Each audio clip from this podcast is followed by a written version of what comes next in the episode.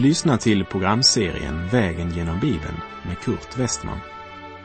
Programmet sänds av Transworld Radio och produceras av Norea Radio Sverige.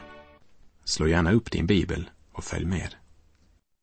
Efter att i förra programmet ha avslutat vår vandring genom klagovisorna så är det åter dags för en bok i det Nya testamentet. Och vi har kommit till första brevet till Timoteus. Här i första och andra Timoteusbrevet och i Titus brev möter vi några brev som är annorlunda jämfört med till exempel Efesebrevet. För i Efesebrevet talade Paulus om kyrkan, det vill säga församlingen, som en kropp bestående av troende som är i Kristus. Och han skrev om den underbara, härliga ställning och funktion som församlingen har.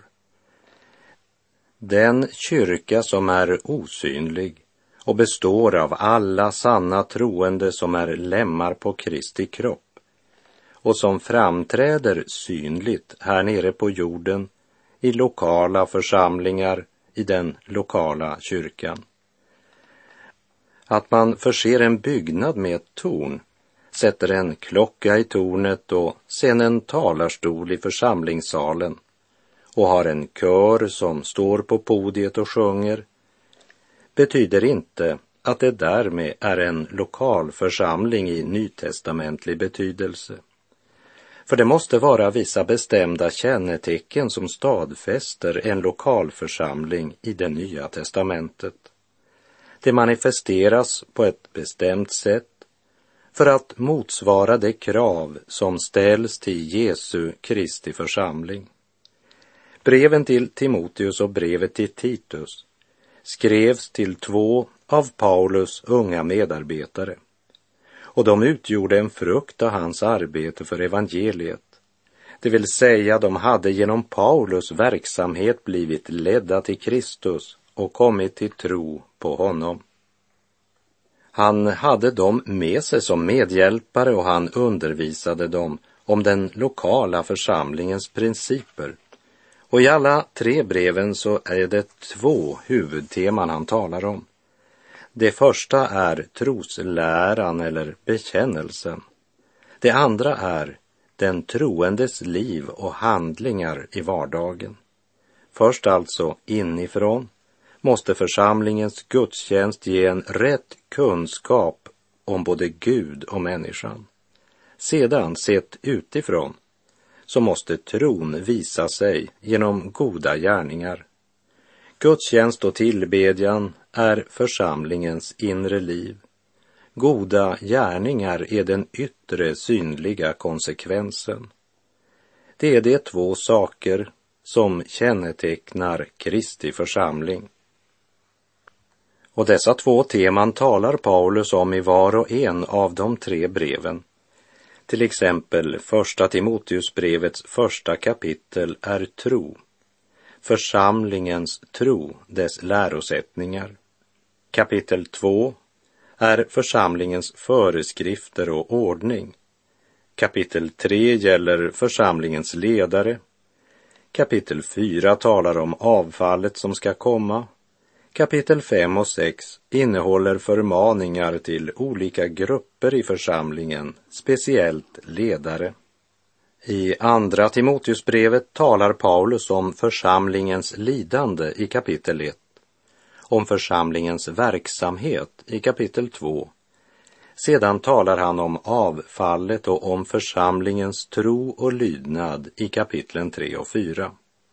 Och brevet till Titus har samma tema Kapitel 1 talar om församlingsordningen, kapitel 2 om församlingens lära och bekännelse och kapitel 3 om församlingens goda gärningar. Idag blir församlingen oftast synlig genom den församlingslokal man bygger. På Paulus tid hade man inga byggnader.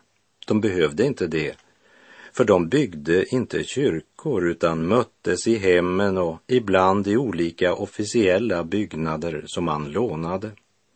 Från Efesierbrevet vet vi att Paulus varje dag höll samtal i Tyrannus hörsal. som han sannolikt hyrde.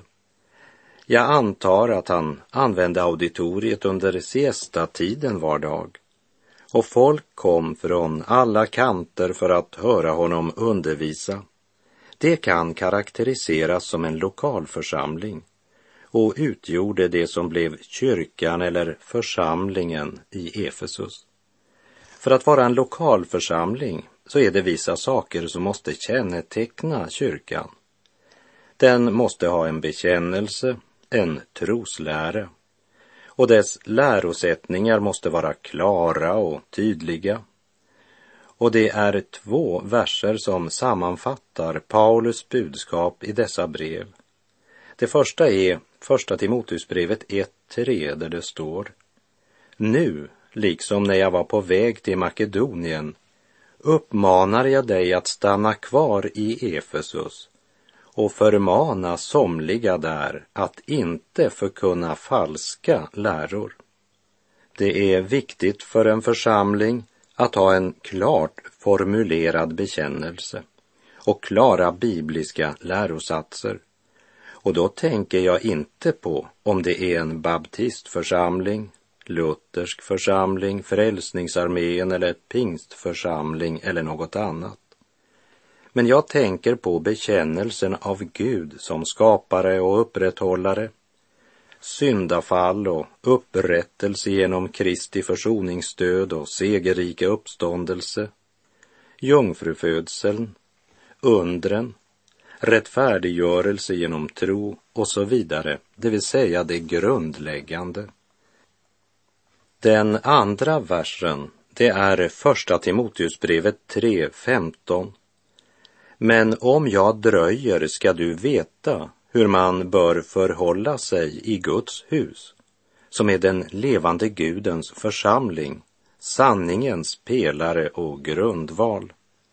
Den lokala församlingen i en stad eller bygd utgörs av troende som är lemmar på Herren Jesu Kristi kropp.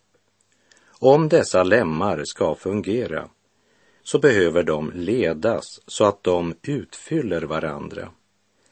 Någon måste vara villig att ta ansvaret för att vägleda och administrera andra och samtidigt se sig själv som församlingens tjänare, inte dess herre.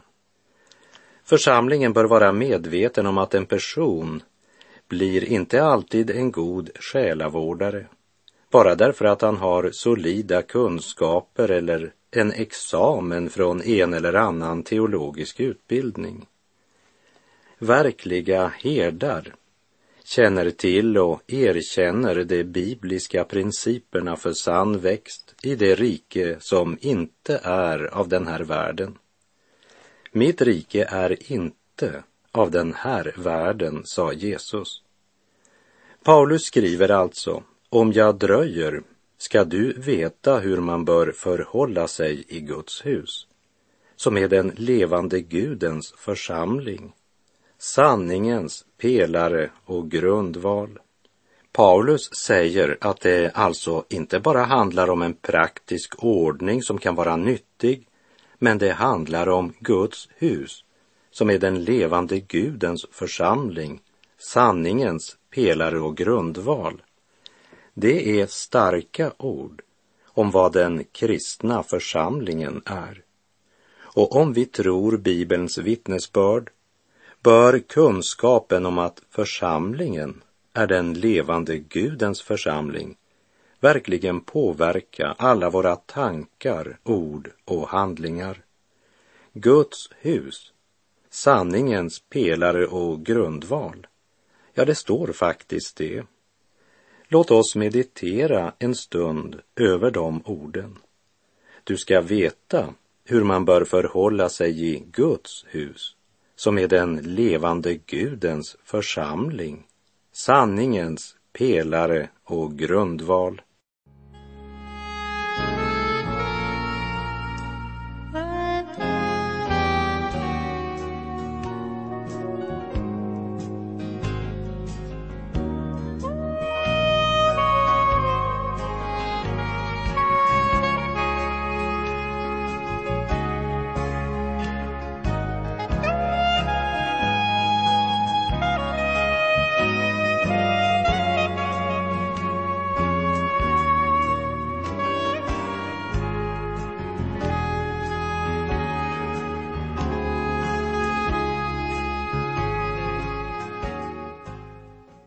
Från de så kallade pastoralbreven, alltså de två breven till Timoteus och brevet till Titus, har det växt fram tre olika församlingsformer som har praktiserats av de stora andliga rörelserna genom århundraden.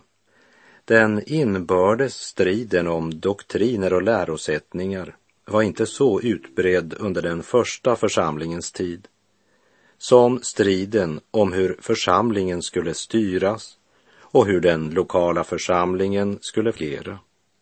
Och det förundrar mig att de med utgångspunkt i pastoralbreven lyckats komma fram till tre olika former för församlingsliv. Men det gjorde de faktiskt. Först har vi den episkopala formen som bygger på att det är en man eller några få som sitter på toppen som ansvariga. Den romersk-katolska kyrkan kallar den mannen för påve. I andra kyrkor kallar man honom ärkebiskop och om de är flera kallar man dem biskopar. Svenska kyrkan och många andra har följt denna episkopala form för sina församlingar. De styrs av ledare som alltså är utanför den lokala församlingen. En annan församlingsform är känd som den presbyterianska eller den representativa formen. Den lokala kyrkan väljer vissa av sina medlemmar som kallas äldste eller rådsmedlemmar och de har ansvaret att leda den lokala församlingen. Men tyvärr blev de lokala församlingarna sammanbundna av en organisation som kunde överta kontrollen av de lokala församlingarna. Den tredje församlingsformen är den extremt motsatta av den episkopala formen. Den kallas för kongregational eller för församlingsstyrd. Och den finner du bland annat i baptistkyrkan. Här röstar samtliga medlemmar om det som gäller den lokala församlingen. Men hur kan man utifrån pastoralbreven komma till tre så olika församlingsformer? Ja, vissa ord tolkades på helt olika sätt och jag ska försöka säga något om de tre olika formerna eller tolkningarna under vår vandring genom pastoralbreven. Det intressanta är att under kyrkans första tid praktiserades alla dessa tre former och verkade även att fungera bra. Medan under det senaste alla dessa tre former har brustit och verkar inte så bra som de en gång gjorde. För medlemmar ifrån alla tre församlingsformerna kan berätta om att de kämpar med interna stridigheter, oordning, splittringar och mycken oenighet. Var ligger felet? Genast är det någon som säger systemet är felaktigt. Men hur kunde då alla tre systemen fungera i början av kyrkans historia? Jag tror att vad Paulus försöker säga oss är att det är inte formen eller systemet som är det avgörande, men karaktären och hållningar hos dem som är ledare och har ansvar. Och sant andligt och myndigt ledarskap, det är beroende av att man har kunskap om principerna för Guds rike, har insikt om sina egna skröpligheter och mod att erkänna när något blivit fel. Gud gav till församlingen som är Kristi kropp på jorden några till apostlar, andra till profeter, andra till evangelister och andra till herdar och lärare. Det skulle utrusta det heliga till att utföra sin tjänst och att bygga upp Kristi kropp tills vi alla når fram till enheten i tron och i kunskapen om Guds son, till ett sådant mått av andlig mognad att vi blir helt uppfyllda av Kristus, som Paulus sa i Efesebrevet 4. Att vara föreståndare äldste eller rådsmedlem. Det har med andlig strategi att göra och med förmågan att bedöma, förmågan att kunna lyssna och mod att hålla fast vid Bibelns klara budskap. Breven till Timoteus och brevet till Titus talar om viktiga riktningslinjer som gäller angående en församlingsledares egenskaper. Han ska vara en enda kvinnas man, nykter och förståndig och bland annat fri från penningbegär och så vidare. Allt detta är viktigt och därför föremål för debatt i den lokala församlingen. Men här talas också om något annat som är ännu viktigare, men som man ytterst sällan hör diskuteras eller värderas. Fast än det är ett helt grundläggande andligt krav vilken ledarposition det än gäller i församlingen. Paulus försöker få oss att förstå att alla ledare måste vara andliga eftersom ingen församlingsform kan fungera annars. Församlingsföreståndare, missionsledare, äldste, rådsmedlemmar och beslutsfattare måste leva i ljuset, leva i och av Guds ord och praktisera det i sitt eget liv. Eljest vill inte någon församlingsform fungera. Det är djupast sett den bristande respekten för Guds ord som är problemet i politiken, i affärslivet och i församlingen. Paulus fokuserar speciellt på två saker när det gäller en andlig ledare. Han måste vara en trons man och ha kärleken som drivkraft och motivation för sin kallelse. Om inte dessa två saker är verksamma i hans vardag och tjänst så kan en ledare inte fungera i troendes gemenskap oberoende vilka andra kvalifikationer han kanske har. Det ligger aposteln på hjärtat att få alla ledare i den andliga gemenskapen att förstå att den gärning du kallats till ger dig inte auktoritet över det andra, men auktoritet att med Kristus som huvudet ödmjukt tjäna Kristi kropp som är församlingen. Kristus är församlingens huvud och den helige Ande är den som ska leda, styra och vägleda. Ledaren ska inte genomdriva sin vilja i något, utan genom ordet och Guds helige Ande söka Guds väg och vilja i allt. Och det betyder att det måste vara en person som lever i tro, lever i Guds ord, i bönen och i gemenskapen med sina trossyskon. De två vingarna som ska hålla en ledare eller ansvarig uppe, det är ensamhet och gemenskap och båda är lika nödvändiga för en sund balans. Ensamhet utan gemenskap gör oss till andliga enstöringar och Guds rike kallar ingen till ensamvarg.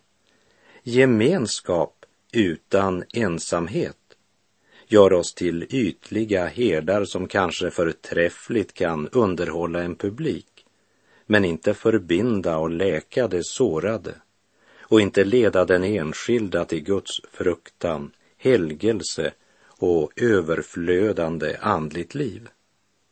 Även om också dessa brev skrevs till personer och kyrkor i en speciell situation och i en tid och kultur som är ganska långt från vår egen, så har den ett budskap som är aktuellt i varje tid som den kristna församlingen upplever intill Jesu återkomst. Här presenteras andliga lagar som gäller för var tid och kultur Bliv i Jesus vill du bära frukt. Grenen kan ej leva skild från stammen och blott under herdens vård och tukt fostras och bevaras späda lammen. Bliv i Jesus vill du växa till i de stycken som din Gud behaga bliv i Jesus om i tron du vill lära dig var dag ditt kors att taga.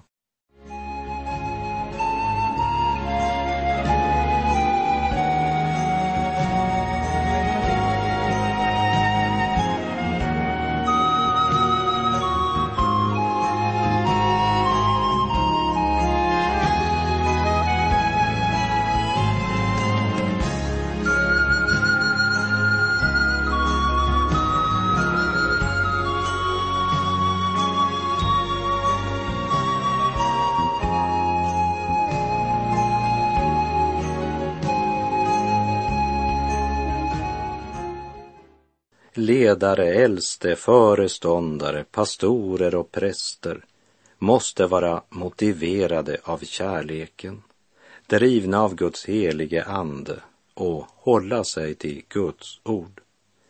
Att vara driven av kärleken och att vara kärleksfull betyder inte att springa omkring och klappa alla på axeln och vara publikfriare eller sätta plåster på en böld som ska opereras. Han ska i ord och handling förmedla Kristi vilja, för det är Kristus som är församlingens huvud. Och en ledare, äldste eller pastors uppgift, det är att se till att Kristus är huvudet i den lokala församlingen. Låt oss be för varandra och för våra ledare och för de olika församlingar vi representerar, oberoende av vilken av dessa församlingsformer vi har. Så att vi inte hamnar i ändlösa diskussioner om detaljer, traditioner eller personliga meningar som inte har något med församlingens andliga liv och växt att göra.